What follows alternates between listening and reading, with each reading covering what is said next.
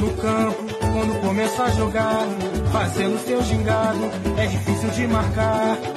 Fita pra ali, fita pra lá, fita pra cá, com a bola nos pés, ninguém consegue. Ele sabe fintar. Fita pra ali, fita pra lá, fita pra cá, com a bola nos pés, ninguém consegue lhe roubar. Velkommen til Brasserbold. Julen nærmer sig, og siden vi sidst var i æderen, er en enkelt brasiliansk klub kommet tilbage på fodboldens verdenskort. Nemlig da Flamengo på 24 timer vandt hele to mesterskaber, og ja, det er endda kun ved at spille en enkelt kamp. Men altså, med Flamengo, der kommer vi rundt om både Copa Libertadores og toppen af den brasilianske liga, som nu synger på sidste vers. Og selvom mesteren er fundet, så kæmpes der jo stadigvæk om øh, ja, de gyldne pladser i Copa Libertadores, og vi kommer nok heller ikke udenom en trænerføring i en af topklubberne. Bunden af ligaen er spændende som aldrig før. Et par nedrykker er allerede fundet, men hvem skal ellers ned i den bedste række og spille bold med klubber som Operario og Ponte Preta? Til sidst i vores podcast for denne omgang, så tager vi en tur til den øh, jyske hede, eller kan vi måske sige nærmere betegnet det sydlige Brasilien. Her er FC Midtjylland nemlig på turné med deres U20-hold, hvor de skal prøve kræfter med nogle af de største hold i hele Sydamerika. Vi kommer med nyt fra turneringen, og har faktisk også en frisk linje igennem til holdets træner Henrik Jensen, der giver os øh, sidste nyt fra sidelinjen, kan man sige. Og med den her herlige menu, der åbner vi for en iskold Guadana og siger velkommen til Brasserbolds podcast. Mit navn det er Andreas Knudsen, og nede i Brasilien, der sidder Peter Arnholdt, og vi er begge to klar til at give de seneste nyheder fra Brasilien og brasiliansk fodbold. Og ja, Peter, øh, det er jo så 14 dage siden vi sidste er udkommet, men hold da op, hvad er der ikke sket på de her 14 dage? Og det første, jeg har, har lyst til at sige, det er, at grunden til, at vi ikke udkom i sidste uge, det er, fordi jeg kunne ikke komme til tasterne, fordi jeg kunne simpelthen ikke få armene ned, for som alle I derude ved, at jeg er jo stor flamingo-fan, så det var jo en øh, sejrsrus, der ikke ville stoppe. Men hvis jeg bort fra min uh, sejrsrus, Peter, så vil jeg egentlig godt høre, hvad du har lavet, fordi øh, jeg har set nogle billeder af dig, og du har også skrevet, at du har fået fornemt besøg fra ja, FC Roskilde. Ja, det er, det er rigtigt. Øhm, jeg havde øh, en god ven og en trænerkollega. Øh, jeg har ham stadigvæk, Per Clausen, øh, og han er så i gang med at tage sin øh, UEFA øh, A-licens, han har allerede taget den, men så har han taget sådan en specialisering, øh, der øh, er sådan noget Europa øh, Youth øh, med fokus på spillere fra 13 til, til 19 år, og han spurgte så, om, om jeg kunne hjælpe med at få arrangeret noget, og det øh, tænkte jeg, det ville jeg jo godt, og øh, så fik vi sat en aftale i stand med Cruzeiro, øh, som bor lige rundt om hjørnet bor til, til min bopæl. Så øhm, ja, han kom øh, glad øh, der i, når det var, det var i, i søndags, og øh, var så ude at se noget, noget bold alene, fordi jeg var, jeg var ude at hente ham i lufthavnen, men min datter, hun, hun, er jo, hun har jo bestået børnehaveklasseuddanelsen, så hun skulle fejres, men har fejret jo alt hernede i Brasilien. Ikke? Så han kom i gang der, og så gik det ellers øh, bare af slag i slag. Men jeg lavede et lille take på det jo. Jeg fik jo øh, med, med om at sige lidt til, øh, til, øh, til vores lille kanal her. Så jeg ved ikke, om, om vi bare skulle, skulle spille det. Det gør da. Øh, og øh, lyt med her, hvordan det, øh, hvordan det lyder, når, når den gode Per, han er, han er kommet til Brasilien. Øh, jeg hedder Per Clausen og er ansat som ungdomsudviklingstræner i øh, FC Roskilde. Jeg er i gang med mit øh, DBU Elite Youth A-kursus og har i den forbindelse selv skulle planlægge en studietur. Jeg har valgt at, ned til, at tage ned til min rigtig gode ven Peter Arnold i Bella Horizonte. Jeg har kendt Peter i 25 år og har holdt kontakten, så jeg var ikke i tvivl om, hvor jeg skulle tage hen, hvis, hvis det kunne lade sig gøre. Hernede har jeg overværet øh, træning fra u 12 til u 20. Øh, vi har været ude at se et par kampe med deres u 12 og deres u 13 hold.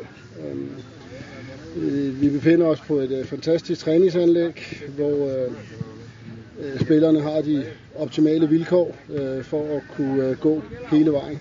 Øh, det er noget anderledes end hjemme hos os, øh, udover vejret. Øh, spillerne bor på anlægget, de går i skole på anlægget, øhm, og alt er inden for, inden for murene. Og når jeg siger inden for murene, så mener jeg det helt bogstaveligt talt. Anlægget er omkranset af en øh, 2,5 meter høj mur med pigtråd på toppen, så, så det må være inden for murene.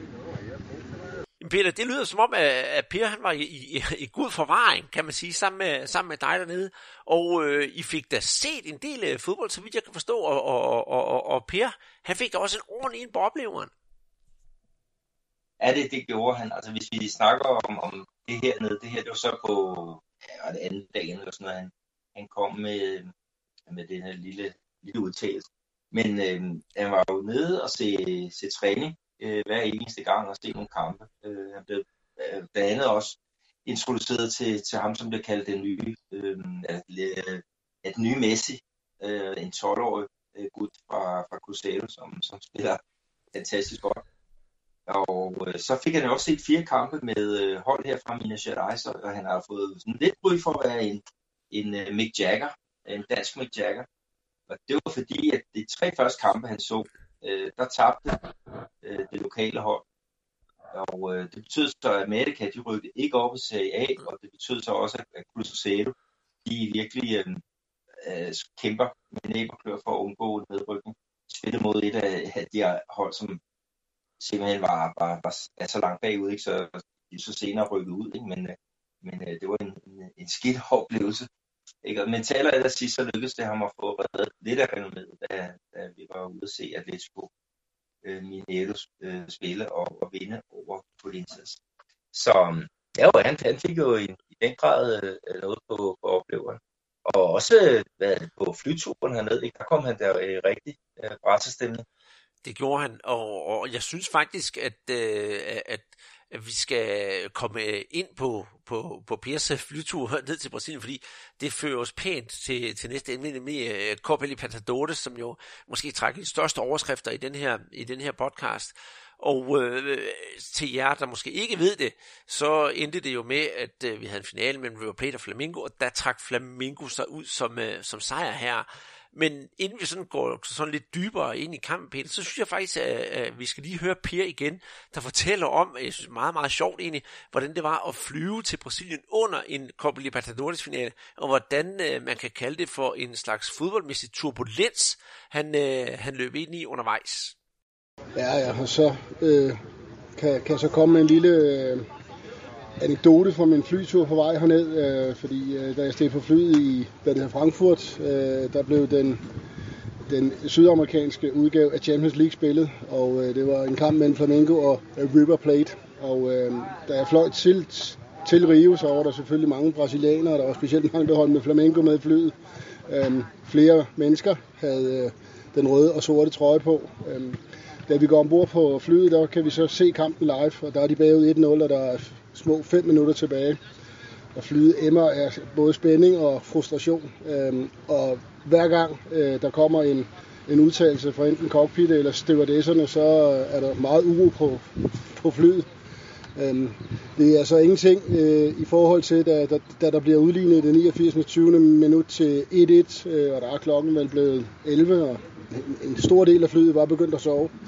Øh, men tre minutter senere, eller fire, da de så scorede til, til øh, 2-1, der er jeg helt sikker på, at øh, hvis man har oplevet turbulens, så var der også det på det tidspunkt. Så det var en fantastisk oplevelse at få med. Yes! Jamen, hvad Peter, jeg bliver sgu ikke så godt humør af at høre det der øh, Per siger, så øh, mens han snakkede, så har jeg faktisk åbnet mig en øh, Guadalajara. Vi skal også huske at sige, at Guadalajara Arctica er jo øh, dem, der hjælper os med at kunne lave den her podcast og det kommer vi også ind på i, i slutningen af, af, af podcasten, hvor vi, jeg selvfølgelig lige skal reklamere for mit øh, filmprojekt i, i Hasten Biograf med, med Kaiser, øh, men det tager vi altså til den tid. Men Copa Libertadores, det er jo det, vi skal snakke om, Peter. Øh, turbulens, op- og nedture, og så videre, så videre, som Per han måske skal meget godt siger, øh, er det ikke også det, som vi måske kan beramme øh, den her Copa Libertadores finale med, øh, hvis man skal tage de, øh, nu tager jeg lige mine, mine brasilianske briller af, og så tager de danske på et øjeblik, og så siger jeg, det jeg sad og så, det var ikke noget, der var særlig kømt, og så så man en afslutning, der virkelig bare øh, sparkede ja, benene væk under en, og det hele det vendte på en tallerken, og alle snakker om, om, om, om Liverpool øh, for, for nogle år siden. Øh, var det også det, du så? Fordi jeg sad jo klistret med en rød med en rød-sort trøje på, og så skiftede jeg en trøje, halvlejen og kanal og alt muligt, fordi det skulle jo gå min vej. Men, men var det den kamp, vi så? En, en lidt uh, intens, dårligt spillet kamp med en utrolig afslutning. Ja, det var det. Altså, det var, det var en, en finale, ikke, hvor at, at nerverne de sad ude på, på trøjen, ikke, og Flamengo, de kom godt fra start, men, men øh, blev så taget lidt på, på sengen, ikke, og, og River, de kom jo så foran øh, på måde, som øh, Borda, han sætter ind, ikke, og ja, igen, hvor der er to, to midtbanespillere, Jason og Around, som, som misforstår, hvem der skal klire en bold, ikke? og så ender den fra fødderne af Borda, ikke? Som, som er iskold i, i sin afslutning. Og så var det simpelthen, øh, det var simpelthen op ad bakke. Øh, det virkede som om, de ikke rigtig kunne få den der, øh, den der rytme, den der aggressivitet, øh, som de har haft øh, tidligere. Pasningerne, de sad ikke lige i skabet, som de skulle, ikke? Og, og Gabi Goal, ham synes jeg ikke rigtigt, men han så noget til i hvert fald de første øh, mange minutter, skal vi sige 85 minutter, der så vi ham jo dårligt, ikke? Og den anden øh, hurtigløberen øh, øh, Bruno Enrique, altså det med at få sat ham i scenen, øh, det lykkedes nogle gange, altså hvor han fik bolden med, med front mod at kunne sætte fart, men, men øh, øh River, de var jo indstillet på ham, og de stoppede ham også med, med alle midler. Øh, så det var utroligt, at hans trøje gik i, i stykker. Men igen, der har vi det der, et, et argentinsk hold, som bare kan det der med, med finaler, øh, med Gallardo derude, som er det 10 titler i løbet af de sidste 5 år, øh, Andreas. Det er jo vildt. Og så tænker man, okay, Flamingo, bedst spillende hold, de må bare øh, bukke sig i stødet for et hold, der er mere, mere rutineret øh, og så til på de rigtige tidspunkter. Ikke? Og så lige pludselig, så, så skete der sgu noget. Jamen, det gjorde der. Jeg, jamen, jeg er fuldstændig, fuldstændig vanvittigt, øh, vanvittig afslutning. Øh, øh, Flamingo, de får lov til at sætte pres på i de, i de sidste ja, 10 minutter kvarter af kampen, grundet noget, jeg synes var nogle lidt underlige udskiftninger fra, fra Gallardo, men øh, lad nu det ligge. Og så lige pludselig så får Aras, Arascaeta bolden ude i venstre side, og han kommer ned til baglinjen nærmest, og så slår han den ind foran til, til Gabi Go, som så efter har været, som du siger, anonym, så lidt præget mælkeagtigt, ikke også fuldstændig anonym i, i 85 minutter. Simsalabim, bum, 1-0, eller undskyld, 1-1. Og så er kampen jo lige pludselig helt åben igen. Øh, den var faktisk, øh, det mål der, det var faktisk så overraskende, at øh, jeg kan fortælle, at min kone hun kom ind, og hun var gået i seng på det, men hun kom ind og brokkede sig over, hvor jeg råbte og skreg så meget ind i stuen. Og så siger de har jo scoret. nå, nå, så gik hun ind igen. Og, øh, og, og, og på brasiliansk tv, der gik de jo fuldstændig i, i selvsving, og den der gen, det langsomme gengivelse af målet, det kom jo igen og igen. Så nærmest inden de var færdige med at komme med den langsomme gengivelse, der havde Gabriel Barbosa scoret igen til 2-1, det endelige resultat. De der tre minutter inde i overtiden. Han løber ud til, til, til sidelinjen, og så smider han trøjen og får sit anden gule kort og bliver vist ud. Ægte brasiliansk, ægte syd sydamerikanske. Også røde kort skulle også være i den der finale.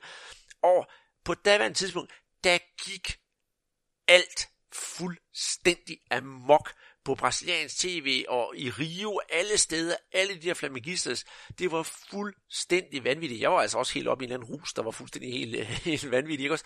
Men, men, men, men aldrig havde man oplevet noget lignende. Og fra at være skældt ud hele kampen igennem, der blev Gabigol til den store held, og Jorge Jesus, ham er der ingen, der kan røre ved lige nu. Han er simpelthen mister, og ikke bare mister, men han er mister, mister i, øh, i Brasilien. Øh, og når det så er sagt, så, så skal Flamingo faktisk være glade, fordi den kamp, som du også snakker om, det er, at argentinerne havde jo læst Flamingo på sin vis. De spillede noget, øh, jeg synes, var lidt destruktiv fodbold. Det virkede fuldstændig efter planen, så det har jeg stor respekt for. Og de markerede bare de flamingospillere op i hælene hele tiden, er der, er der og gang på gang. Så selv en som Arrascaeta kunne ikke få gang i spil, det gjorde han så til sidst. Og så alligevel, så nogle gange så kommer der også det der brasilianske ind over det, hvor jeg tænker på, hvad laver I her? Flamingo havde nogle chancer, og så skal Arrascaeta i stedet for tæmme bolden, øh, så på bedste sydamerikansk så vælger han at lave saksespark øh, for at lave en flot afslutning, der vi ikke scoret, men, men fantastisk afslutning, fantastisk kamp, og øh, ja, som øh, jeg også sagde, vores en genrejsning til Flamingo, der jo ikke har vundet den her turnering siden 1981. Altså, øh, øh, øh, det var jo helt fantastisk. Ja, det, det var det. Altså, vi vil også tage med, ikke, at, at, øh, at det, der, da det går amok, ikke, der får øh, Argentina, de får så udviste Palacio, som var en af de, de bedste spillere øh, på, den, øh, på Rivers øh, midtbane. Ikke? Og det er jo så, jeg vil lige sige, at, øh, at det er jo i, i hvad hedder det, Festrose, der havde du, nok fået vist øh, Gabigol ud lidt for tidligt, fordi han fik sit første gule kort ved at smide trøjen. Og så fik han det andet lige efter Palacio var smidt ud, øh, og efter sine så var det noget med, med, med vardommeren, der havde set, at han havde lavet sådan en, en lidt sådan onanibevægelse ud mod den, øh, den øh, argentinske øh, bæk. Så, så han røg så også ud. Men øh, her var Jorge Jesus var selvfølgelig sindssyg på sin, øh, på sine brasilianske øh, stjerner. Det var faktisk en anden kamp i træk, han bliver, bliver udvist. Så jeg snakker lige om en, der, der har problemer med at, at holde sig inden for, for linjerne. Men så længe man laver to mål, så kan man tillade sig øh, nærmest hvad som helst. Og, og han er jo simpelthen en, en konge i, i Rio. Øh, lige tage med, at Per, som var hernede, han øh, havde lagt en bestilling, og det var så øh, to trøjer, øh, flamingo-trøjer med, med øh, Gabriel Barbosas øh, navn på, på ryggen.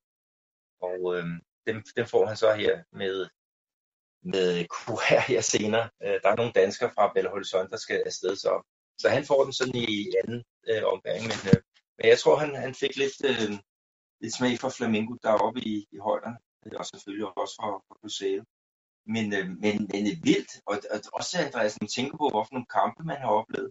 Altså jeg kommer til at tænke på den der finale øh, tilbage way back med Peter Schmeichel og Manchester United, som er bagud 1-0 mod Bayern München i Champions League-finalen. Ja, det var, jeg, ved du hvad, nu kom jeg til at se Liverpool, og det er jeg altså rigtig frygtelig, frygtelig ked af. men det var nok min iver, fordi jeg skulle snakke om den her kamp her. Men, men lige præcis den kamp der med Ole Gunnar, der bliver skiftet ind og bang bang, og så, så vender de hele det der mod, øh, mod, mod Bayern der tilbage i, ja, var det i 99, så vidt jeg husker.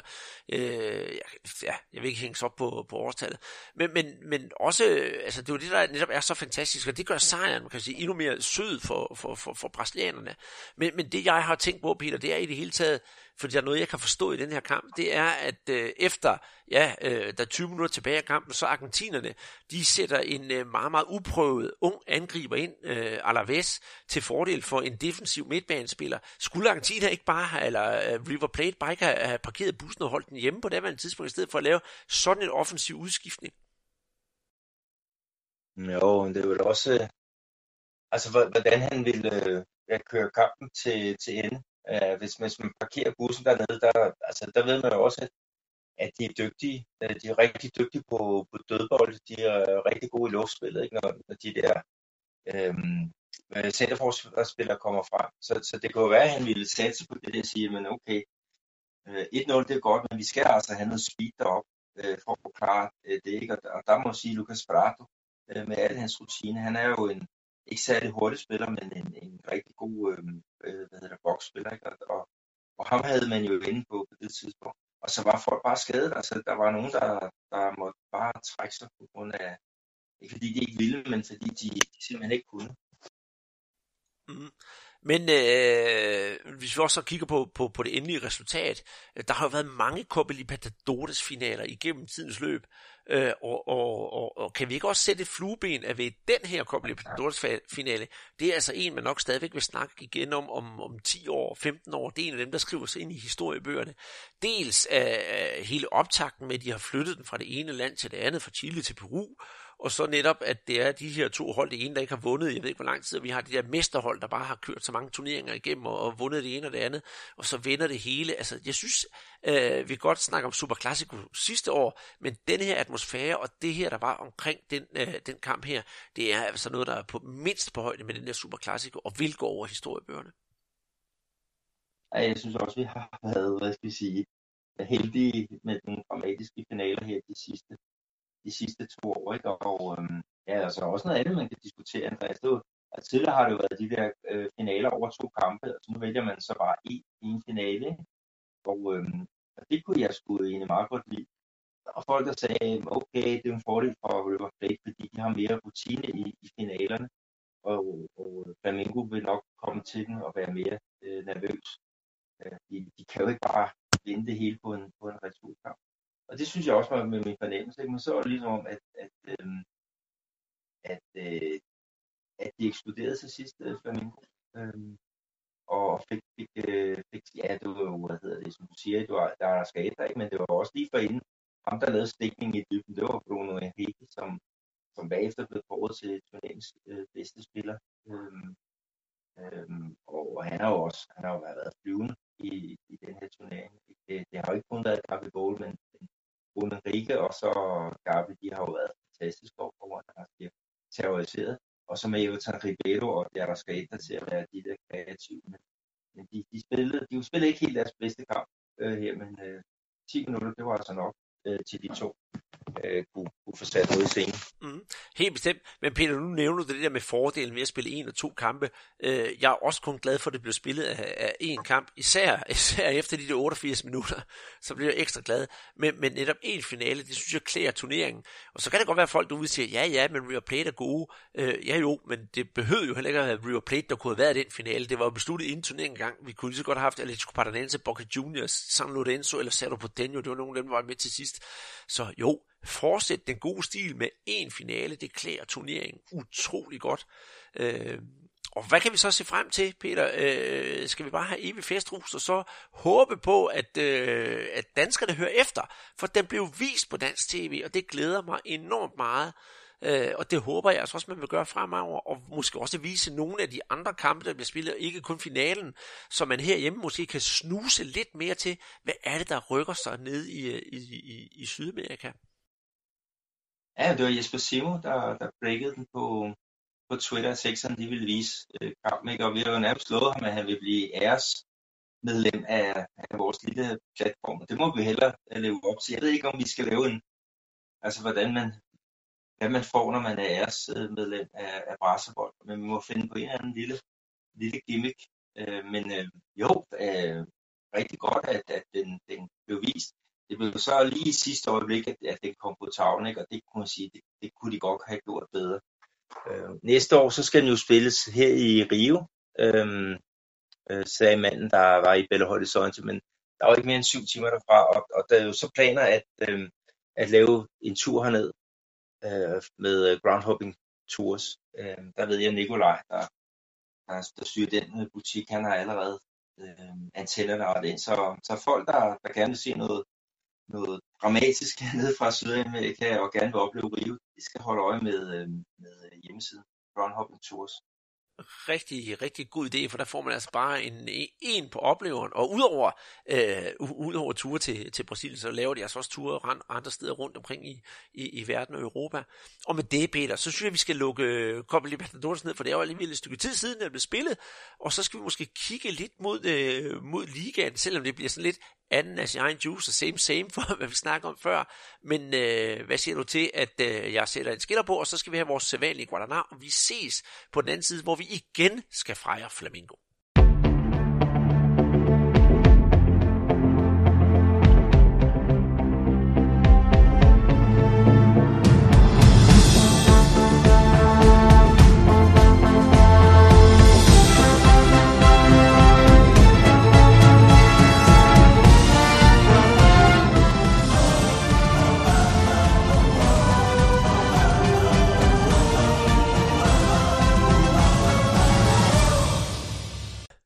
Og til jer derude, som øh, lige har fået hørt den her fantastiske hymne fra Copa Libertadores, så kan man jo ja, blive andet en godt humør og glæde sig til, øh, til næste år. Og øh, ja, det er jo lige ved, Peter, det er vores yndlingshymne øh, her igennem sæsonen. For hver gang der har været Copa Libertadores, så har vi spillet den, og det fik jo så en fantastisk afslutning på turneringen med netop lige præcis øh, den hymne.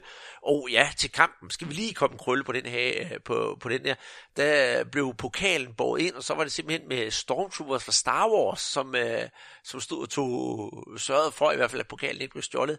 Lidt øh, korne vil nogen sige, men jeg synes egentlig, det var meget festligt. Men, øh, Peter, vi skal til at kigge på den brasilianske liga, for øh, ja, den synger jo trods alt på, på, på sidste vers, men øh, selvom klubberne ikke selvom der er nogle klubber, lad mig sige, der ikke spiller, så øh, blev der lige pludselig samme weekend, inden for 24 timer efter Copa Libertadores-finalen, der blev altså også fundet en, øh, en, en, en brasiliansk mester.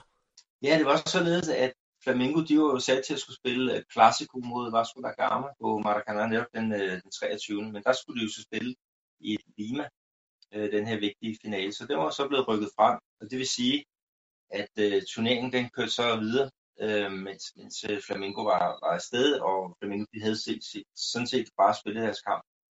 Øh, og det der så var, var hele øh, humlen, det var, at Palmeiras, de nærmest forfølger, de skulle vinde hjemme over Grêmio for at have en chance for at kunne indhente øh, Flamengo. Og øh, det gik hverken bedre eller dårligere, end at, øh, at øh, Gremi, de øh, gjorde arbejdet færdigt for, for Flamengo og vandt øh, til 2-1. Så det vil sige, at, at den der søndag, altså dagen efter Copa Libertadores finalen, hvor de var på bustur gennem hele Rio, kæmpe øh, triumftog, øh, der fik de så at vide undervejs, ikke, at håb, I er ikke alene Copa Libertadores mester, men I har også lige fået et øh, brasiliansk øh, mesterskab. Og en øh, chauffør, jeg snakkede med på, på vej øh, herned til, jeg kan ikke huske, hvor jeg skulle hen, det er også lige meget, men han sagde faktisk, at det var lidt ærgerligt, at de kunne have spillet øh, Palmeiras mod øh, Grêmio på, om lørdagen, fordi så havde det jo været historisk at vinde øh, to titler på, på samme dag. Øh, det, det må jeg nærmest betragte som, som noget, der, der må være umuligt. Men, øh, men øh, det, det var teoretisk øh, muligt, men her så blev der altså bare øh, to mesterskaber inden for to dage, øh, 24 timer. Og øh, ja, øh, fantastisk. Altså, du snakker om det med at have armene op. Altså, jeg kan da godt forstå, at, at øh, du har haft en ekstra god weekend. Jamen det var, det var, det var på, på den ene måde sådan lidt surrealistisk og sådan lidt grotesk. Jeg vidste jo godt, de kunne vinde øh, mesterskabet, men for det første så, så til hele familiens store ærgelse, tror jeg nok, øh, fordi jeg gav dem opmærksomhed, så sad jeg jo fra torsdag og så, der var jo optakt. Det, det kørte jo sådan løbet, løbet ugen, men torsdag, fredag og lørdag, der blev det værre og værre, så jeg havde bare kørende det på brasiliansk tv, og så fulgt med det. Og så hele lørdagen, og så så jeg jo det med, at de kom hjem. Lidt ligesom Brasilien gjorde til VM 94, at man fulgte dem hele vejen, og flyet kom til, til Rio, og de skulle køre ind og så videre, så videre, men der var så mange folk på gaden, at det kunne ikke lade sig gøre, og det tog ekstra tid. Og så lige pludselig midt i alt det der fest, så skulle jeg sidde og se den anden kamp, så sagde jeg over på den kamp, og så gud, de vandt skulle da lige mesterskabet. Det, det, det, det var sgu, for at være helt meget, meget svært at forstå, men, øh, men på den anden side helt vildt fedt, og så, ja, altså for det første, så vinder Flamingo mesterskab, eller hvad, Copa Libertadores, første gang siden 1981, og så for 10 år siden, der, der var det der, de vandt mesterskabet sidste gang. Så jeg vil altså også sige, at øh, selvom der er mange, der siger, ah, at Flamingo er ikke den klub, den har været, jamen det er den altså bare blevet igen. Færdig slut, og øh, jeg vil give stor del af æren, Peter. Det vil jeg faktisk give til, selvfølgelig til holdet, for der er nogle klassespillere, der er på holdet, men altså også til træneren Jorge Jesus, Øh, han har virkelig formået at gøre et kæmpe, kæmpe stykke arbejde og taget syv mile skridt, øh, både for Flamingo og også for brasiliansk fodbold, synes jeg. Ja, det er jo enig. Altså, han kom jo til 10 runder inden, tror jeg det var, i den øh, brasilianske turnering. Og han fik ikke den allerbedste start, at de blev slået ud af, af pokalturneringen af Atletico Paranaense.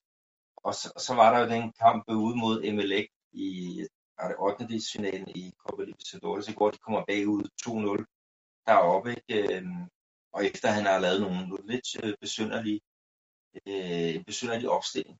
Ja, det faldt mange for, for brystet, ikke? og øh, han var et eller andet sted næsten på vej ud igen, men, øh, men han fik øh, monteret et rigtig godt hold, et aggressivt hold med høj forsvarslinje, og et, et hold, der, der kører nogle, altså et godt, øh, godt possession, og så har de de der individualister op foran den, den magiske firkant, øh, som ja, tager lige igen. Øh, Gabi Goal og Bruno Henrique op øh, foran, ikke? og så ude i siderne, øh, der er der Skata og øh, Everton Ribeiro.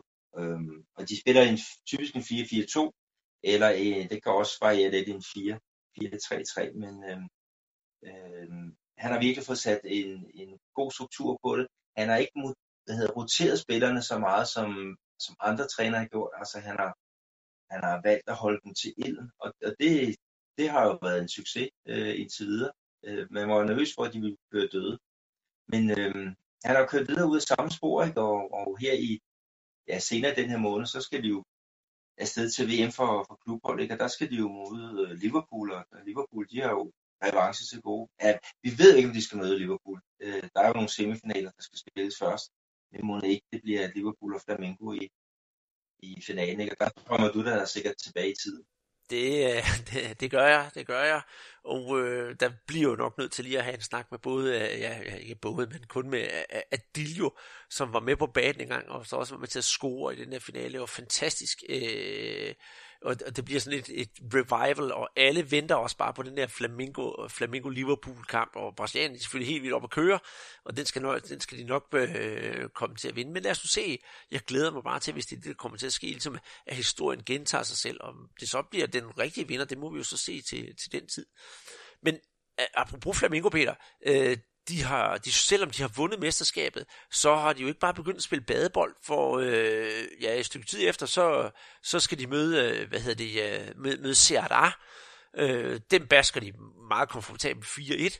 Og så kom jo den der store kamp, lad os nok også sige, det var øh, den sidste runde, øh, største kamp, det er netop, da de skulle møde øh, øh, øh, Palmeiras, som vi vist roligt kan sige har været den største øh, rival for Flamengo her i, i årets løb, fordi da før Jorge Jesus kom til, der var Palmeiras hele 10 point foran, foran Palmeiras, og det var jo også fra Palmeiras, man kan sige, at Flamengo stjal øh, mesterskabet.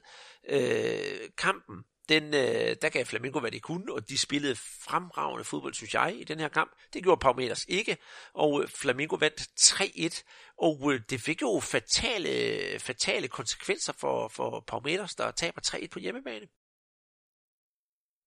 Ja, de gjorde simpelthen det, at de fyrede Manu Menezes, som havde afløst øh, legenden Scolari, øh, som, som faktisk blev fyret efter, at, øh, at Palmeiras de havde tabt til, øh, øh, Flamengo i den, den første runde.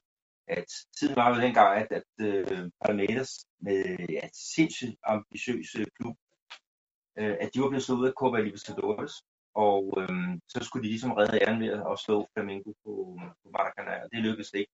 Og så røg Scolari ud, og så hævde de Manu ind, ikke? og han holdt jo så lige indtil, at øh, Flamengo øh, var modstanderen igen. Så, så jeg kan godt forstå, at nogle træner har nogle tics hver gang, at de skal møde øh, Flamengo, fordi de har godt nok forårsaget en del uh, trænerfyringer i år.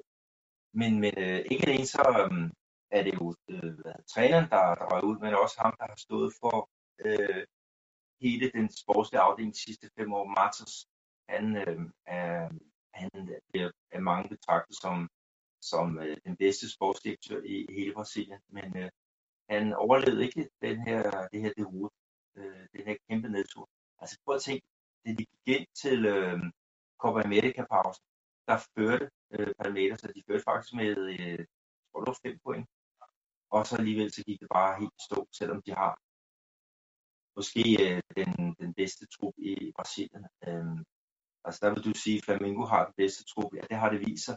Men hvis du går hen tidligere i ja, sidste år, der spillede jo Palmeiras med det bedste hold i Copa Libertadores, og så med reserverne i, i Serie A og de vandt Serie A med reserverne, mere eller mindre.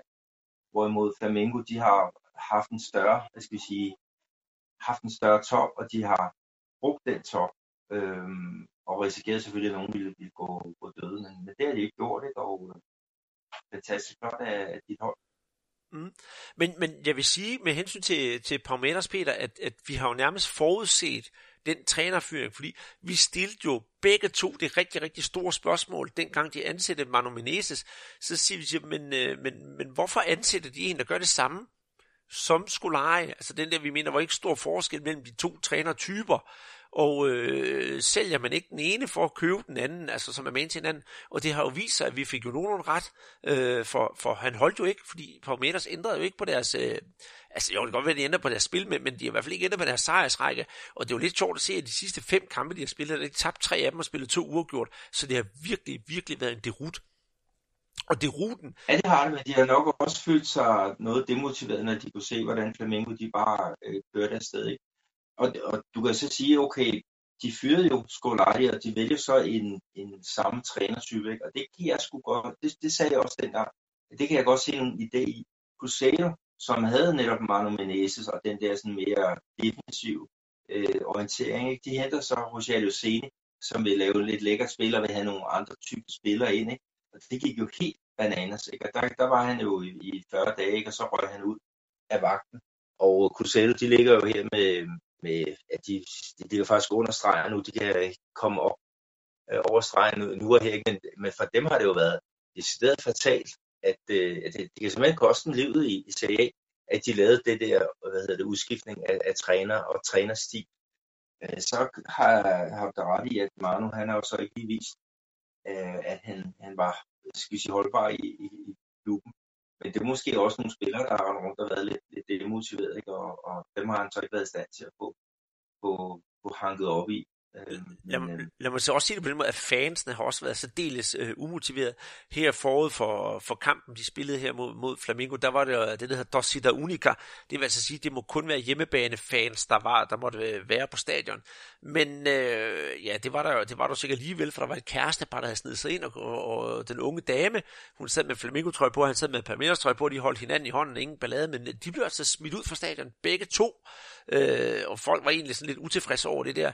Og så øh, da Flamingo kommer foran, så begynder folk at rive stolesæderne i, i småstykker og smide dem ind på stadion.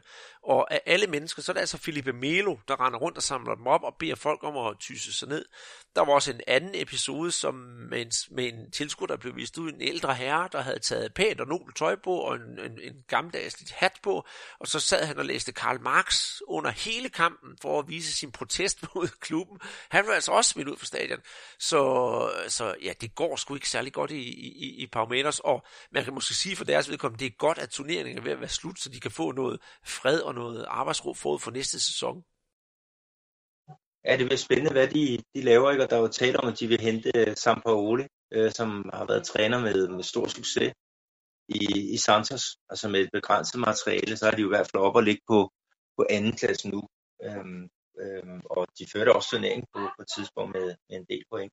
Så det kan jo godt være, at han kommer, kommer derop, og så det betyder så en lidt anden spillestil, mere boldbesiddende, end den der lidt mere lukke af, og så, så køre på hurtige omstillinger, som de har praktiseret under Scolari og, og Manu Menezes. Om, om de kan klare det med, med de spillere, de nu har, er der hvor mange, der skal skiftes ud. Ikke? Det må vi jo vente og, og se, men det bliver rigtig spændende og ja, finde ud af, hvad der, hvad der kommer til at ske her i det her transfervindue. Men det kommer jo også med, med Flamengo, Andreas, fordi altså, hvad pokker kommer til at ske med, med det der, altså George Jesus, altså ved du, om han fortsætter? Øhm, Gabriel, øh, Gabriel Barbosa, Gabriel Gold, hans kontrakt, lejekontrakt udløber her med udgangen af det her år, og Bruno Enrique, han øh, er jo også en, der, der er meget attraktiv. Så, så øh, jeg tror ikke, at, at det bliver så let heller for, for Flamengo at holde fast i den, øh, øh, den gode øh, ja, udvikling, som de har, har gang i. Det kan godt være, at de bliver lidt vingeskudt, øh, og så, så må man jo hente nogle gode erstatninger. Nogle helst nogen, der er bedre, hvis det er hvad sig gøre. Øh, øh, det er jo det, Peter, og jeg vil ikke svare på det nu. Øh, for, for hvis jeg siger, at Flamengo beholder Gabigol, så i morgen så kan jeg læse, at han er blevet solgt, og hvis jeg siger, at de sælger ham, så kan jeg i morgen læse, øh, at, øh, at de beholder ham. Så alt er sådan lidt, øh, lidt dødvand lige nu, øh, og rygterne sviger både for det ene og for det andet. Men jeg kan sige så meget, at øh, Jorge Jesus tror jeg bliver Øh, og det tror jeg øh, vil være en, en god idé både for Flamingo, og måske også for Jorge Jesus, mister, som man jo bliver kaldt, og så i det hele taget også for fodbold i Brasilien, fordi der var mange, der begyndte at kigge til hans side, og han har som sagt løftet, øh, løftet niveauet for, for, for brasiliansk fodbold. Men øh, ja, Santos øh, øh, og, og, og, og deres træner, han har jo altså gjort det rigtig godt. De ligger PET på, på andenpladsen, og her i weekenden, der er lige en runde i aften, vi optager torsdag aften, men her i weekenden, der skal Flamengo og Santos, altså nummer 1 og nummer 2, de skal faktisk møde hinanden, og det bliver nok et rigtig spændende opgør. Øh, men altså Santos har overhalet Palmeiras, men øh, hvis vi kigger lige under øh, Palmeiras på tredjepladsen, så finder vi jo Atletico Paranaense, de har sgu egentlig også haft øh, rigtig god tur i den, og dem har vi jo, ja vi har jo altid holdt af dem, Peter, det er jo ikke det, men vi har jo nok sådan lidt øh, ikke kigget til deres side, fordi vi har fulgt med det her dramatiske topopgør. Øh, det kan vi da kun sige, at det er da tomfinger opad, og, og, og rigtig godt gået, at de ligger, ligger nummer 4. Ja, det, det er fornemt. Øh, de vandt jo også pokalturneringen her tidligere i år, og har kvalificeret sig til Copa Libertadores den vej øhm, og til gruppespil. Ikke? Så de havde jo deres på det tørre, men alligevel så bliver de altså ved med at, at, at hente resultaterne i, i Serie A. Og der hvis vi vender tilbage med, med Palmeiras, der var en, en, et år, ikke, hvor de vandt øh, pokalturneringen, og øh, så lagde de sig op i den berømte hængekøj og regnede med, at nu skulle de bare have, have året til at gå, ikke? og så lige pludselig endte de jo i, i nedrykningsfar og, og endte faktisk også med at, at ryge ud. Og det er jo sådan det, der er faren ved, når man vinder de der turneringer og har sit på det tørre, hvordan reagerer spillerne. Men der har um, klubben vist øh, uh, sig som en, en sund uh, enhed. Øhm, det bliver også spændende med, hvad de kommer til at, øhm, at lave næste år, fordi den, den helt store strategi bag det her, øh, Thiago Nunes, deres træner, han øh, er i øjeblikket på overlov i klubben, fordi han skal starte i Corinthians øhm, her til, til næste år. Ikke? Så, så øh, det bliver spændende at se, hvem de får i stedet for, og så bliver det også spændende at se, hvad han kan lave ud af, af det materiale, der er i, øh, i, i Corinthians. Men, men han har ry for at være en af de få trænere i Brasilien, som er i stand til at, at lave et hold, som kan sætte spil, og så kan, som har en, en offensiv øh, filosofi, som er andet end at stå tilbage og så leve på hurtige øh, omstillinger. Mm-hmm. Og vi skal også, øh, jeg synes også, i den sammenhæng netop øh, med de gode resultater hos Atletico Paranaense sige, at her for inden for de sidste par runder slog de jo faktisk også øh, ja, et af de andre store hold, netop Gremio, som de kæmper sådan direkte med om at være i det der gode selskab. Og øh, ja, Gremio, de ligger jo rent faktisk øh, på, på femtepladsen, Peter. De fik en kæmpe losing mod øh, Flamengo i Copa Libertadores, og øh, sørger mig, om de ikke også fik det øh, ja, i, i, igen i, øh, i ligaen, da de tabte 1-0. Men Gremio har alligevel fået rejst sig med, med Renato Gaúcho, og her i deres øh, sidste kamp, som de spillede faktisk mod São Paulo, sikkert en kamp fra Gremios side, og øh, en øh, Everton Cebolinha, der virkelig strålede igen, ligesom han har haft en lille nedgangsperiode, men han er der tilbage på første række, og ja, der går jo rygt om, at han skal til Italien, og der går faktisk også rygt om, meget sjovt, at han skal til Everton.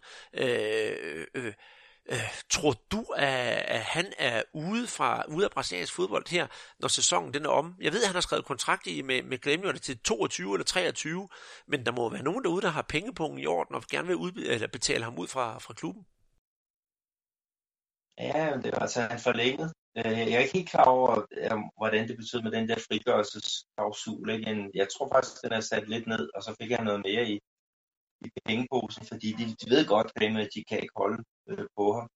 Men, men der er også, nu snakker du om Renato Gaucho og, og hans, hans hold her. Altså han er jo han er meget utilfreds med, med den ja, med det mandskab, han har kunnet stille. Altså de vandt Copa Libertadores for to år siden. Men, men det har været sådan meget sådan lidt ældre spillere, og så egenudviklede spillere. Altså han vil gerne kunne gå ud og kunne lokke nogle bedre spillere til, øh, til klubben. Altså ligesom man har set med Flamengo, der henter for eksempel deres skater i, i Cruzeiro for en, for en vestbænk. Så han har så også sat sin, sin jeg ved ikke, sin, øh, sin overveje, hvad han skal, skal lave, fordi han er en attraktiv træner. Han har sagt til direktionen, altså, der skal flere penge på, på transferbordet, hvis jeg skal fortsætte her. Øhm, men men øhm, de er jo rigtig dygtige til at egne udvikle spillere, men om det er, er nok, til at ligge deroppe, hvor Renato Gaúcho han gerne vil. Det, det vil jeg tvivle på. Så, så han kan simpelthen også godt være, være fortid i, i den klub. Så hvad, hvad er der tilbage af, af træner i, i topklubberne. Det, det, ikke, fordi, det, det, bliver, det, det bliver spændende, og det bliver også spændende, hvor hvis Renato Gaúcho han forlader klubben, hvor skal han så hen? For før i tiden, der snakkede man om, at han ville være et emne for Flamengo, men nu har de jo fundet Jorge Jesus, og han var også på tale til det brasilianske landshold, men de har jo Chiche, så hvis han først bliver fri, så er der jo en utrolig attraktiv træner, både ved spilmæssigt og selvfølgelig også, han er en flot mand, som kan gøre fodboldbanerne usikre i, øh, i, i, i Brasilien.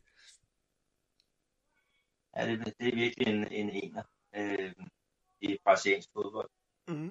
Men så er der jo også, øh, altså de er jo allerede kvalificeret til øh, gruppespillet i Copa Libertadores. Altså, tidligere så er det sådan, at det fire øverste hold, der kvalificerede sig til gruppespillet. Men nu fordi Flamengo, de har jo taget en plads, fordi de er blevet mestre, og, øh, og Atletico Paranaense har jo også kvalificeret sig øh, via deres pokaltitel. Så det vil sige, at nu er det ikke længere top 4, men nu er det altså top 6, der, der går til direkte gruppespil. Ikke? Der ligger jo São Paulo, de tog lige det nødvendige skridt her i, i går, hvor de mødte øh, International hjemme. Og øh, det var faktisk en kamp, som, som var, var meget seværdig, men øh, São Paulo de vinder altså 2-1. Øh, så um, Dani Alves og company, de skal altså øh, de kan godt forberede sig altså på, på en masse gode flyveture her til næste år, når den står på, på Libertadores øh, gruppespil. Og det er også bare det der, hvis man ikke kommer med i den top 6 i år, ligger nummer 7 og 8, så skal man ud og spille de der øh, knald- eller faldkampe, ligesom vi har i til Champions League, øh, øh, ja, med øh, de der kvalifikationsrunder, ikke? der, der kan det jo lige pludselig gå galt. Øh, selvom man har spillet godt, det så vi jo mod FCK og, og Røde Stjerne, hvor det var, mm. ja, det hele var blev afgjort på straffesparks øh, konkurrence. Mm. Og på, ja, på de to pladser, du snakker om, undskyld, undskyld, 7. og 8. pladsen, der finder vi Corinthians, som har kvalificeret sig allerede til, øh, eller er klar til kvalifikationsspillet. Og på 8. pladsen, der finder vi øh, uh, International. De er ikke helt sikre endnu, det kan, der kan ske noget nu.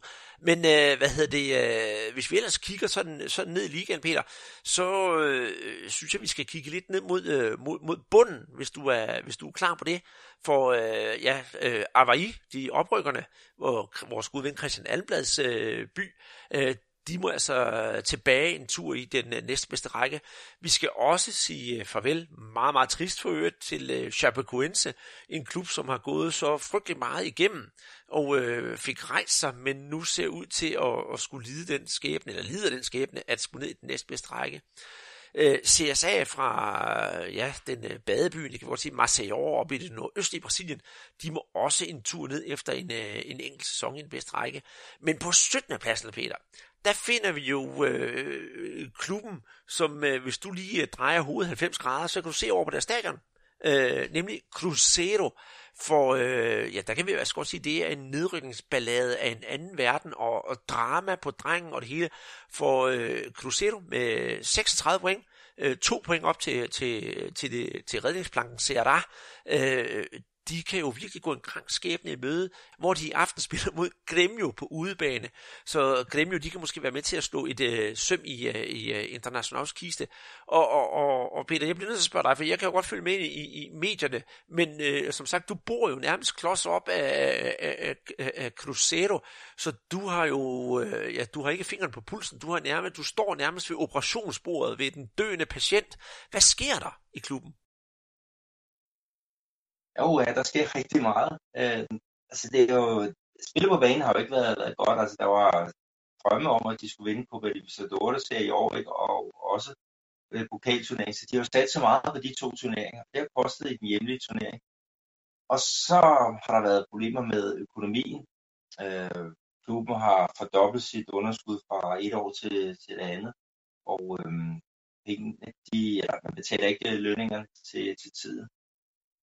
Øhm, og øh, der har også været ballade på direktionsgang, hvor at, at øh, politiet de er ved at undersøge øh, ledelsen for øh, fuskeri, altså noget med øh, hvad det, øh, hvidvaskning af penge, øh, noget med korruption, noget med ulovlige kontrakter med nogle agenter. Øh, der er blandt andet en 12-årig knægt, Messinho, som, altså med kældnavn Messinho, øh, hvor man har lovet 10% af, af hans fremtidige salgsum til en en øh, agent, øh, for at han, han havde lånt klubben nogle penge, og så kunne man ikke betale tilbage, og så, så har man så om, om øh, lavet det der lån til, til nogle, nogle øh, hvad hedder det, fordringer, tror jeg det hedder.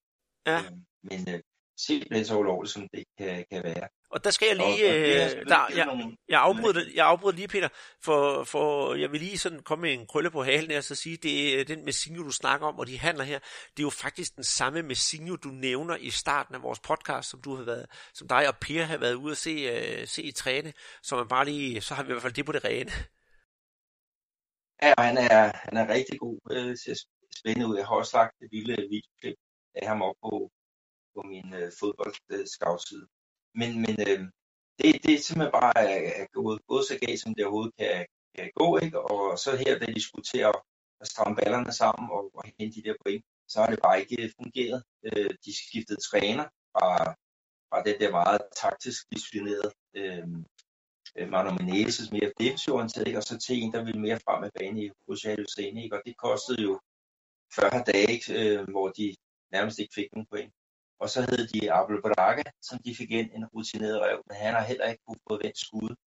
Og øh, han sagde så stop, og så har de så fået en træner ind, som er blevet fyret allerede to gange i år, Adilson øh, Baptista.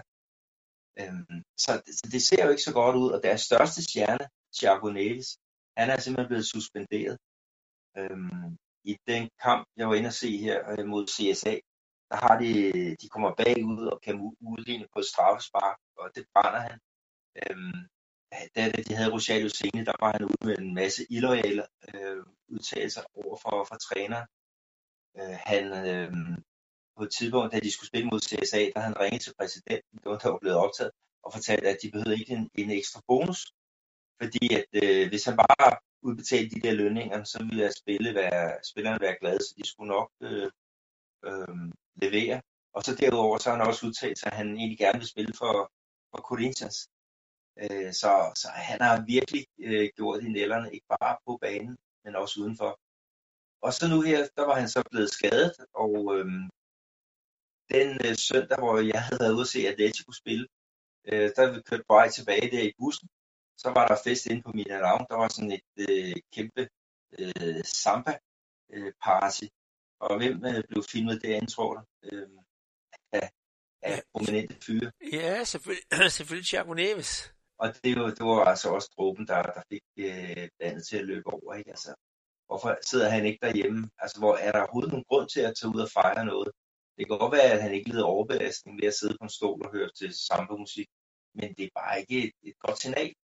Øh, så præsidenten, den øh, nye øh, præsident, øh, han øh, sagde simpelthen, at, at øh, Thiago Neves kommer godt nok til at bære den, den blå trøje øh, i fremtiden, men det bliver den øh, på, på træningsbanen, og han skal træne sammen med, med U20-hold øh, nu. Så, så der er kaos øh, på, men de er jo så heldige, at CRA, øh, dem som de er direkte øh, konkurrence med, øh, de tabte jo i går 1-0 Øh, Øh, så, så hvis Cruzeiro de vinder her i dag, så kan de komme op over Serra, og så kan de jo så selv afgøre det i den sidste runde, hvor de tager imod øh, Palmeiras. Øhm, og hvis Serra havde vundet i går, ikke, så havde det jo, ja, så havde det jo set endnu sortere ud. Men, øh, men lad os nu se, det bliver der en, en voldsom nervøs kamp sikkert, og, øh, og øh, jeg håber da selvfølgelig, altså selvom jeg godt kan lide sød, sød øh, brasiliansk, eller nordøstbrasiliansk fodbold, så vil jeg da gerne have Cruzeiro til at fortsætte her i Serie A. til de har vundet, de har vundet ja, øh, to gange øh, Libertadores, de har vundet mesterskabet, jeg tror jeg, fem gange eller sådan noget der. Det er, det er en gigant, og de har aldrig prøvet at rykke ud af, af Serie A. Så, så vil, det ville da være en, en meget, meget trist øh, historie, hvis det skulle ske. Det vil det, det vil det helt bestemt. Og, og jeg tror også, at, at selvfølgelig udover den triste historie, der er den ballade, der er, at øh, fansene vil i hvert fald ikke tage, tage ret godt imod det. Der kan man måske også forvente noget ballade, øh, ballade bagefter. Men ja, øh, det er jo sådan set lidt som, som den brasilianske liga ser ud nu, Peter. Øh, vi er ved at have fundet... Andreas, ja? Andreas, jeg har faktisk en lille historie, fordi det var inde se mod øh, Cruzeiro, der spillede mod CSA så var der jo ballade på tilskuerpladsen. Jeg sad her på, på siden, øh, så om bag ved målet, øh, så på et tidspunkt, øh, der bliver der tændt nogle, nogle røgsignaler øh, til højre og til venstre øh, for, for målet om bagved. Og øh, så kort tid efter, så begynder folk fra det der, der er sådan en nedertribune og så en øvre tribune. Øh, og så begynder dem øverst op, de begynder at hive sæderne af. Det er ikke kun i Palmeiras, de behøver og hive sæderne af og kaste ned mod dem øh, nedenfor. Og så lige pludselig så hører vi, jeg tror det er fire eller fem øh, eksplosioner. Jeg var derinde sammen med Clausen. Og så tænker nå for fanden, og folk begynder at flygte. Øhm, så jeg fik forklaring senere hen. Øh, der er sådan to fraktioner øh, øh, i, i Cruzeiro, øh, og den ene holder til for neden, og den anden for, for oven.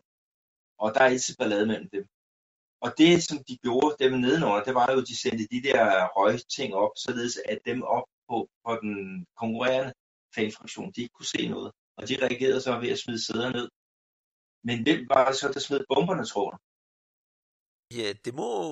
Ja, skal, skal, skal det være dem, der, smed, dem, der, dem, der modtog sæderne? Nej, det var selvfølgelig politiet.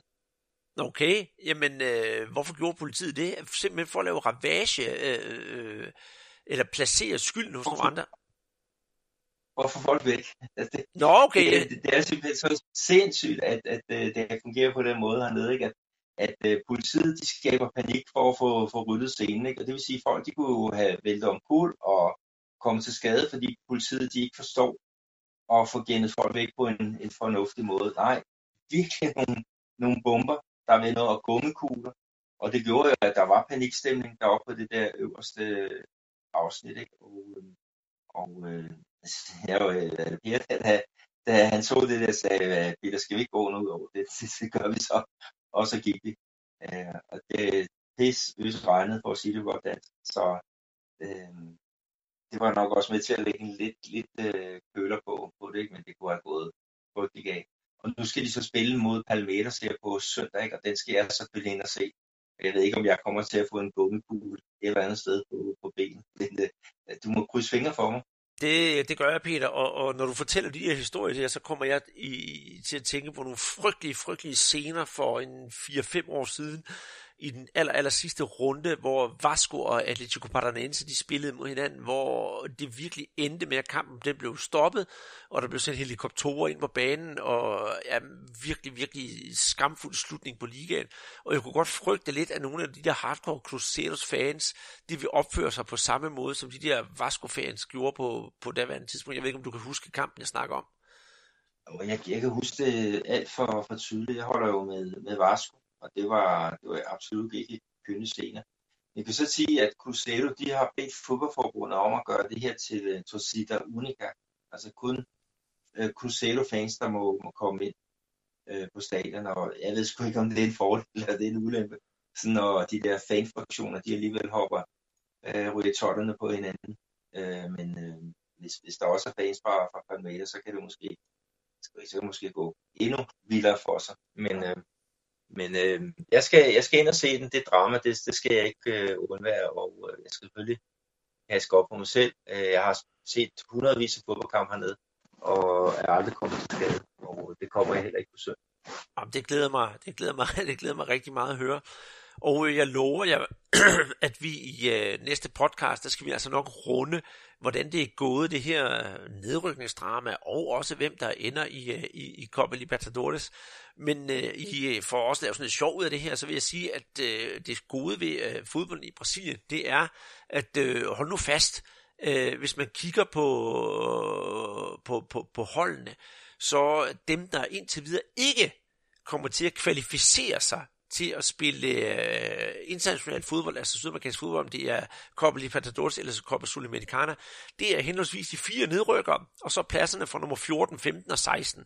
Så dem, der spiller fra nummer 1 til 13, de øh, kvalificerer sig til at spille i turneringerne i Sydamerika, så vi kan jo lave det sjovt, Peter, at sige, enten så rykker man ud, eller så spiller man international turnering. Ja, det, det, var, det var meget let. Enten er du overstregende, og så er du under. så, så, så sådan det. Men altså, ja, nu går vi jo som sagt ind i her øh, finalerunderne, hvis vi skal kalde det det. I aften, der spiller Flamingo Avaí øh, den sidste kamp i den 37. runde, øh, og der må man nok formode, at øh, Flamingo kører den hjem. Det gør jeg også i hvert fald. Og så har vi den sidste runde, runde 38, hvor det er simpelthen øh, vind eller forsvind. Og øh, hvad glæder du dig til i den aller, aller sidste runde, Peter, udover selvfølgelig Cruzeiro på Meters? Ah, Jamen, det, det bliver den kamp. Altså, jeg synes, alle de andre kampe, de er, det er det rene vand i forhold til, til det. Altså, øhm, så jeg, jeg, må, jeg må bare sige, øh, det bliver så den. Og så måske Vasco da Gama, ikke, som er mit favorithold, og de tager jo så, øh, de spiller faktisk den sidste kamp ikke på San Gennaro, deres, deres øh, eget stadion. De rykker hele butikken til øh, Maracanã, hvor de også har en, en masse historikere, så tager de så imod, øh, ja, det er så Chapecoense, ikke, som, som siger farvel til, til Serie A. Men, men ellers så, øhm, så tror jeg da godt, jeg ved, hvad, hvorfor en kamp du har i, i sigte. Det, øh, der kan jeg komme ud om, det skal være ja, Santos Flamingo. Øh, de to hold har siden 2011 haft en øh, historie sammen, så må ikke også de laver en brav af en slutning. Nu nummer et og nummer to de mødes, Øh, Flamingo er jo nummer et under alle omstændigheder, men, men, men jeg tror at begge to, begge hold, de vil stille op i stærkeste opstilling. Øh, om ikke andet, så kan Santos, hvis de vinder, sige, at øh, ja, ja, vi kan i hvert fald spille lige op med, med nummer et, øh, og så give, det, øh, give i hvert fald et rigtig, rigtig godt billede ud til, af, hvad brasiliansk fodbold angår. Så den kamp, den, øh, den glæder jeg mig til at se. Og ved du hvad, Peter? Uh, du ved også godt, jeg godt kan lide nordøstbrasiliansk fodbold, så jeg tror også, jeg vil se Fortaleza Bahia. Det eneste problem med de her kampe, det er, at de alle sammen bliver spillet på samme tid, så man må nok have gang i flere platforme for at kunne følge med. Ja, det, det er i hvert fald en, en god idé her. Og øh, inden vi slutter, slutter det helt af, så skal vi jo altså også lige forbi topscorelisten. For øh, der finder vi på førstepladsen Gabriel Go Barbosa med hold fast 24 mål efter, efter, de her, øh, efter de her runder. Og på andenpladsen, der finder vi en anden Flamingo-spiller, nemlig Bruno Henrique, med 21 mål. Det er jo fuldstændig vildt, at de to mennesker er nummer 1 og nummer 2 på, på topscore-listen, og tilsammen, ja, har scoret 45 mål i de her, ja, indtil videre, øh, øh, ja, 36 kampe, de nu har spillet. Ja, det er, det er voldsomt, ikke? Og der er jo rigtig langt ned til nummer 3 på topscore-listen nummer 3, det er Gilberto fra Bahia med kun, og det synes jeg egentlig også okay, 13 mål. Så finder vi på også på tredjepladsen Wellington Paulista fra Fortaleza, også med 13 mål. Eduardo Sasha fra Santos, 13 mål. Everaldo fra Chapecoense med 13 mål. Og så på syvende pladsen, der finder vi så det Arrascaeta igen fra Flamingo med, med, med 12 mål. med 11 mål, der har vi så Everton Cebolinha fra, fra Gremio. Så ja, det er jo næsten, lige ved næsten sige, det er jo tordiske soldater, der står for, for, for topscorerlisten. Men øh, Peter, øh, apropos topscorer, så er det jo ikke ligefrem det, som øh, FC Midtjylland præsterede i den her øh, U20-turnering, de for øjeblikket spiller i, øh, i, i, øh, i Porto Alegre i det sydlige Brasilien. For øh, ja, Øh, de er kommet til, øh, til Brasilien for at spille en U20-turnering og for at sådan bide lidt skære med de bedste hold i, øh, i, i Sydamerika. Og øh, du øh, i særdeleshed har fulgt rigtig godt med i den sidste kamp, som øh, FC Midtjylland spillede. Den første kamp, der har de, øh, der har de uafgjort spiller 0-0, men i går, der, øh, der mødte de jo Atletico Mineiro, og der endte det jo hverken værre eller bedre med, at de, øh, ja, de taber 1-0, i, ja faktisk i, i, i overtiden. Og det synes jeg egentlig er lidt synd, hvis man skal se det med danske briller, fordi deres målmand stod jo en, øh, en pragtpræstation uden lige. Men øh, har du kunne lære, lære noget af den her kamp, i hvert fald set med ungdomsfodbolds synspunkt? Er der stor forskel på, synes du, på det vi ser på seniorniveau, og det vi ser her på U20-niveau? Ja, der, der er noget, noget mere fysik på, på A-niveau hernede i Brasilien. Ikke? Øhm, og så var det i hvert fald den der kamp i går med, med Atletico Mineiro det er faktisk et hold, der, der ligger i, i top 8 øh, på 20-niveau.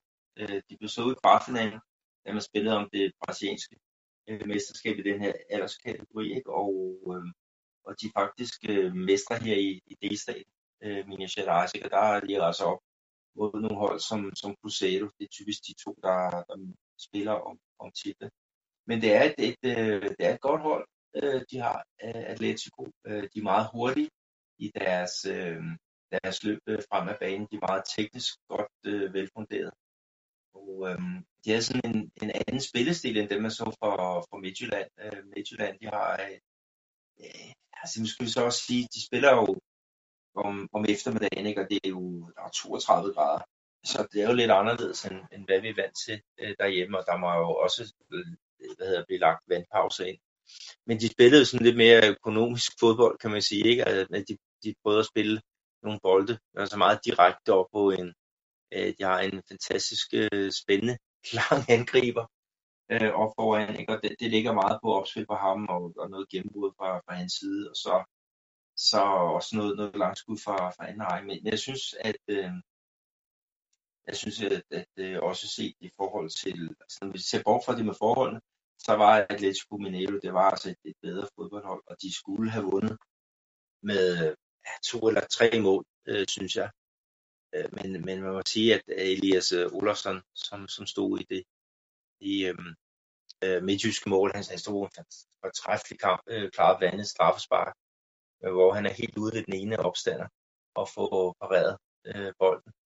Og øh, så er der flere andre situationer. Altså speakerne, der sad og kommenterede de her brasilianske vi snakkede om, at det kunne faktisk være, være dejligt at se sådan en målmand som ham i den øh, brasilianske liga. Ikke? Så, så øh, jeg må det ikke, han skal tilbage til Midtjylland og, øhm, og, og køre videre der. Han er jo øjeblik udlejet til, til Aarhus Fremad og, og skulle efter sine gøre det øh, godt der. Men øh, igen, det, det var et hold, Midtjylland har samlet. Altså, der er nogen fra deres eget akademi, og så er der nogle spillere, som kommer fra Brentford, deres, øh, man kalder det samarbejdsklub, og så er der nogle prøvespillere også, der, der er med. Ikke? Og det er den samme måde som Hammerby, som også er hernede, at de også har grebet den. Altså der er en klub Tubarão, der, der ligger også i det sydlige øh, Brasilien, hvor de har hentet nogle spillere ikke? Øh, til klubben tidligere. Og nu har de så et par, par stykker, de gerne vil se an her. Og en, en god måde at få, få mål sig på, selvom temperaturerne de er noget, noget uvandt men, øh, men det er jo, altså, den her turnering, altså, det var den, der tidligere galt som et brasiliansk mesterskab. Øh, nu fik man så det brasilianske mesterskabsturnering sådan op at køre. Så den her, den har så udviklet sig til en, en, u, øh, altså en international turnering. Og man prøvede altså at få fat i Real Madrid og Barcelona og så nogle af de store. Og så er det så et med, at, at der kom nogle invitationer til, til ja, Hammerby, som, som gør det godt hernede i Brasilien med hendes spillere, ikke? og så også Midtjylland, som jo også har, har, har, jeg øh, har nogle gode kontakter hernede, ikke? og også lagt nogle, nogle store beløb. Så, så de fik altså muligheden, og, og sagde heldigvis ja.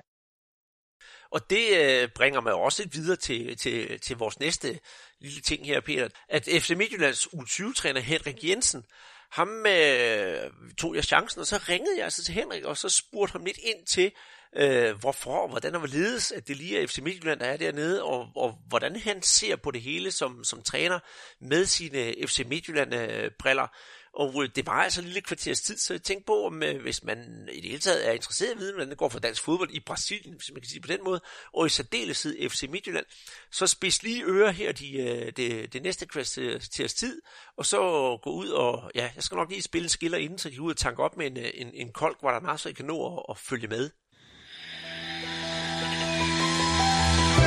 Guaraná Antártica. De Maués para as suas mãos. Bora lá! Hej Henrik, jeg er glad for, at du har lyst til at være med i vores øh, podcast om brasiliansk fodbold. Selvom du ikke øh, er repræsentant for, for brasiliansk fodbold, så er du midt i den brasilianske gryde, kan man sige. For du er jo taget ned med, med FC Midtjylland og FC Midtjyllands øh, U20-hold til en øh, stor U20-turnering i det, i det sydlige Brasilien. Øh, hvordan skyldes det? Hvordan det kommet i stand? Fordi jeg synes, det er lidt underligt, at man tager fra Danmark helt til, til det sydlige Brasilien. Men på den anden side set, FC Midtjylland, det er jo også, kan man sige for tiden, øh, Danmarks brasilianerklub nummer et.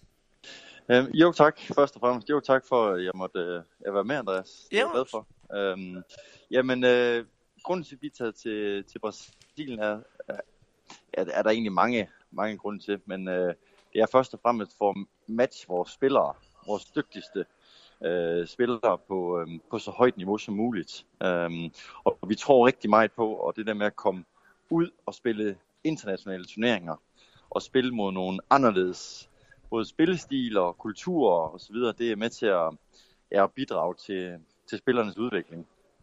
Øh, og så fik vi mulighed for at, at deltage i den her Copa Iparenca, øh, som er en kæmpe kæmpe, kæmpe stor turnering i, i Sydamerika med hold fra Argentina, Uruguay, øh, Brasilien naturligvis, øh, Colombia. Øh, og den, den mulighed, den kunne vi ikke, øh, den kunne vi ikke passere. Så øh, da vi fik den mulighed, så var det mere, mere at slå til. Øh, og så har vi jo i Midtjylland øh, mange spillere, også på, på udleje. Og det var også en mulighed for at få de spillere hjem, som er på udlån, øh, og deltage i turneringen, og stadigvæk få dem øh, ja, integreret i, øh, i FC Midtjylland. Så, øh, så det var nogle af de, øh, de tanker, vi gjorde os, da vi sagde, sagde ja til turneringen. Mm. Og hvordan var det så at tage fra Brasilien, eller undskyld, fra, fra, fra Herning og Ikast i det her kolde novembervejr med sådan en flok unge, blege danskere, og selvfølgelig også på udlændinge, og så komme ned til, til det sydlige Brasilien, hvor der rent faktisk er, er sol og sommer. Var det ikke noget en, en omvæltning? Det var, det var selvfølgelig en, øh, det var, en, det var en god lang rejse, så vi var, vi var godt trætte, da vi ankom, men øh, det er klart, at man bliver mødt med solen med det samme, man stiger ud af flyet. Og det, øh, det tror jeg for de fleste mennesker, så giver det, øh, giver det en, en masse energi. Det er klart, derhjemme der er der, der er der meget mørkt, og der er koldt i øjeblikket. Så det, det var selvfølgelig noget, alle så frem til at komme ned og få lidt, øh, ja, mærke varmen igen, og, og, og se solen sådan for alvor. Så, så jeg, jeg synes egentlig, det var mest glæde over at komme ned i, i, et, i et varmere klima øh, et par uger her, som, ja, som fyldt mest for både øh, spillerne og stab og det hele. Mm-hmm. Og så kunne jeg også godt tænke mig at vide, øh, så det, nu kommer vi ind på det, det der handler om, om fodbolden, fordi I var jo med i, i det, der hedder gruppe B dernede, med, med, med hold som øh, ja, Klub Atletico Taleres fra Argentina, øh, Atletico Mineiro fra, fra Minas Gerais, altså i Brasilien, som jo er deres profhold spiller hjemme i, i Peters baghave, og så øh, Atletico øh, Nacional fra, fra Colombia, som mange måske kender fra den klub, som spillede mod Chapo, øh, skulle have spillet mod Chapecoense, dengang flyet styrte ned. Og så selvfølgelig ja, ja, Internacional, som jo er en kæmpe, kæmpe stor traditionsklub i Brasilien. Øh, bliver man ikke lidt, øh, kan man sige, lidt bjergtaget, når man kommer ud og ser det, det, de hold, man skal spille imod, med de meritter, de forskellige klubber har begået? Og det er jo, det er jo kæmpe, kæmpe, kæmpe hold, vi møder. Øh, og de hold, du nævner, er jo både øh, vinder af deres nationale turneringer, Copa Libertadores, og er, har jo en øh, historik, øh, som, er, som er helt enestående. Øh, og det, det er jo, som jeg sagde, nævnte før også, det er jo en af grundene til, at, at vi kommer ud og, og, og siger ja til sådan en turnering her, det er jo for at møde de aller, allerbedste. Øh, og på, på sydamerikansk niveau, der kan vi ikke møde nogen, der er meget bedre end det, vi møder her øh, til den her turnering. Så, øh, så det er klart, man er selvfølgelig, øh, man går ind i de der kampe med en, øh, en vis portion ydmyghed, for vi ved godt, det er nogle giganter, vi er op imod.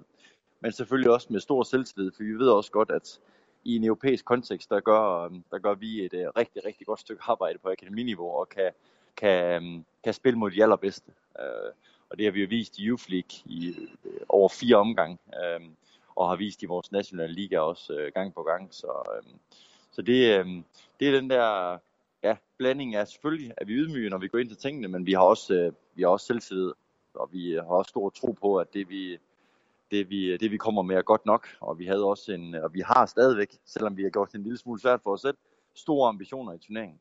Øh, det, er der ingen, det er der ingen tvivl om, at vi kommer herned med en klar ambition om at gå videre og lave et rigtig godt resultat hernede. Det var vores klare ambition. Nu har vi gjort det en lille smule svært for os selv, men uh, har stadigvæk en, en mulighed for, for at gå videre. Men øh, jeg vil også sige, at øh øh, øh, øh, man kommer ned og så spiller sin første kamp. Der er jo nerver på det hele, og så få, få uafgjort mod Atletico Nacional, det øh, personligt synes jeg egentlig jo ikke, det, det er dårligt. Og gårsdagens kamp, som jeg selv sad og så på fjernsyn, øh, der var det jo simpelthen, lad mig sige det på godt gamle stands, det var jo stolpe ud, øh, at der bliver scoret der til sidst i, i overtiden. Og hvad jeg lagde mærke til af positive ting fra FC Midtjyllands side, det var jo jeres øh, keeper, Øh, øh, er han en, som øh, alle kigger efter nu nede i Brasilien lige for øjeblikket med de præstationer, han lavede i går? Ingen tvivl om, at vores øh, målmand Elias har stået øh, på et rigtig højt niveau i de første to kampe hernede. Så han er selvfølgelig en, øh, som har bemærket sig øh, rigtig fint, og det synes jeg egentlig, vi har flere spillere, der har, øh, som har vist, de har øh, ja, både niveauet og lidt højere øh, i forhold til øh, det her, vi blev mødt med hernede. Så, øh, så det er jo en, en, en fantastisk mulighed for at få testet sit niveau, fordi at, øh, det går noget hurtigere end det, man er vant til derhjemme. Øh, og der har vi selvfølgelig blevet en, ja, en lille smule klogere på, og spillerne er blevet lidt klogere på, hvor, hvor man står hen. Øh, og der, der har Elias i hvert fald vist, at han har et, øh, som vi godt vidste også, et rigtig, rigtig højt niveau. Så øh, jeg tror, at der er nogen, der, der er mange, der får øjnene op for, at, øh, at vi, øh, vi har dygtige spillere i, øh, i Norden også. Mm. Og nu siger du selv, det går, går hurtigt dernede, øh, når, når, når det er på banen. Og så kan jeg ikke lade være med at tænke på, at det er nogle ting, du måske det spil, der er fra både Colombias side og, og fra det brasilianske hold side, er det noget, du kan genkende i det, man ser på højeste plan hos FC Midtjylland, hos øh, Evander og, og Junior Bromado og de andre, den tilgang til fodbolden, som, som, som de har i forhold til det, øh, man kommer med med den meget stringente danske struktur. Ja, øhm, øh, jeg, jeg synes, øh, National var en, var en øh, opgave. Altså, øh, National fra Colombia spiller, spiller enormt anderledes. Altså enormt mandsorienteret, øh, enormt fysisk. Øh, og spiller, øh, spiller et meget mere kaotisk og ustruktureret spil. Hvor jeg egentlig synes, at de brasilianske hold, som jeg har set hernede, spiller faktisk noget mere struktureret, end jeg havde forventet og og de spiller også øh, frem for alt noget mere direkte, end jeg havde øh, forventet. Øh, Atletico Mineiro er faktisk det hold, jeg synes sådan har, har vist de øh, mest positive tendenser, sådan rent offensivt. Øh, også på det tekniske niveau og, og på deres struktur og så videre, synes jeg, det var rigtig, rigtig godt spillende hold. Øh, hvor nogle af de andre brasilianske hold spiller enormt direkte også, øh, og er, er rigtig godt øh, struktureret, og frem for alt forsvarer sig rigtig godt. Så, øh, så jeg vil blive bekræftet i nogle antagelser, jeg havde hjemmefra, men også blev lidt overrasket over, at nogle af holdene, hvordan de, øh, hvordan de spiller. Mm. og nu har I jo så, hvad hedder det, øh, I har stadigvæk øh, et par kampe tilbage, og, og, og skal spille mod et hold nu fra Argentina, og så igen øh, med et fra Brasilien. Føler du så, øh, selvfølgelig, det gør du garanteret, at I er blevet meget, meget bedre klædt på til de to kommende kampe, og nok så sikrer jeg 6 point? Ja, det synes jeg vel egentlig. Altså, jeg synes også, vi var klædt godt på til de første kampe, fordi vi havde den fordel af, at øh, vi, vi, vi sad over i første runde.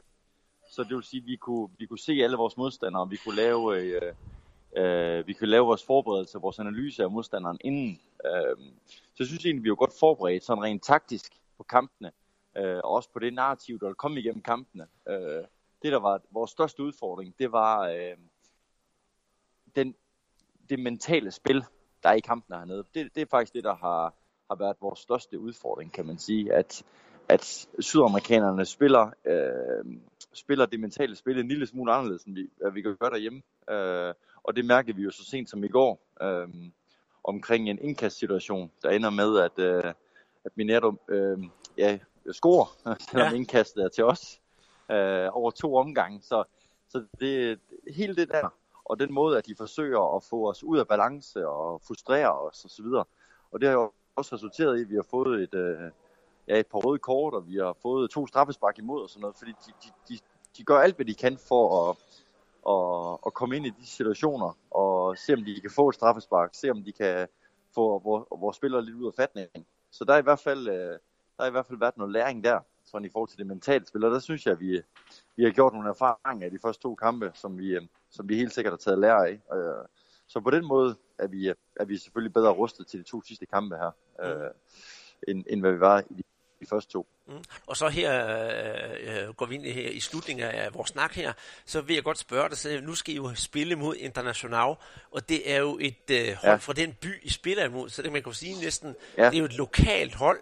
Forventer I, det bliver det største ja. brag? For der må vel også komme en del tilskuer, fordi øh, ungdomsfodbold i Brasilien, det er jo faktisk også noget, der, der, der, der kræver en del, eller der får en del opmærksomhed, både fra presse og fra, fra tilskuere. Ja.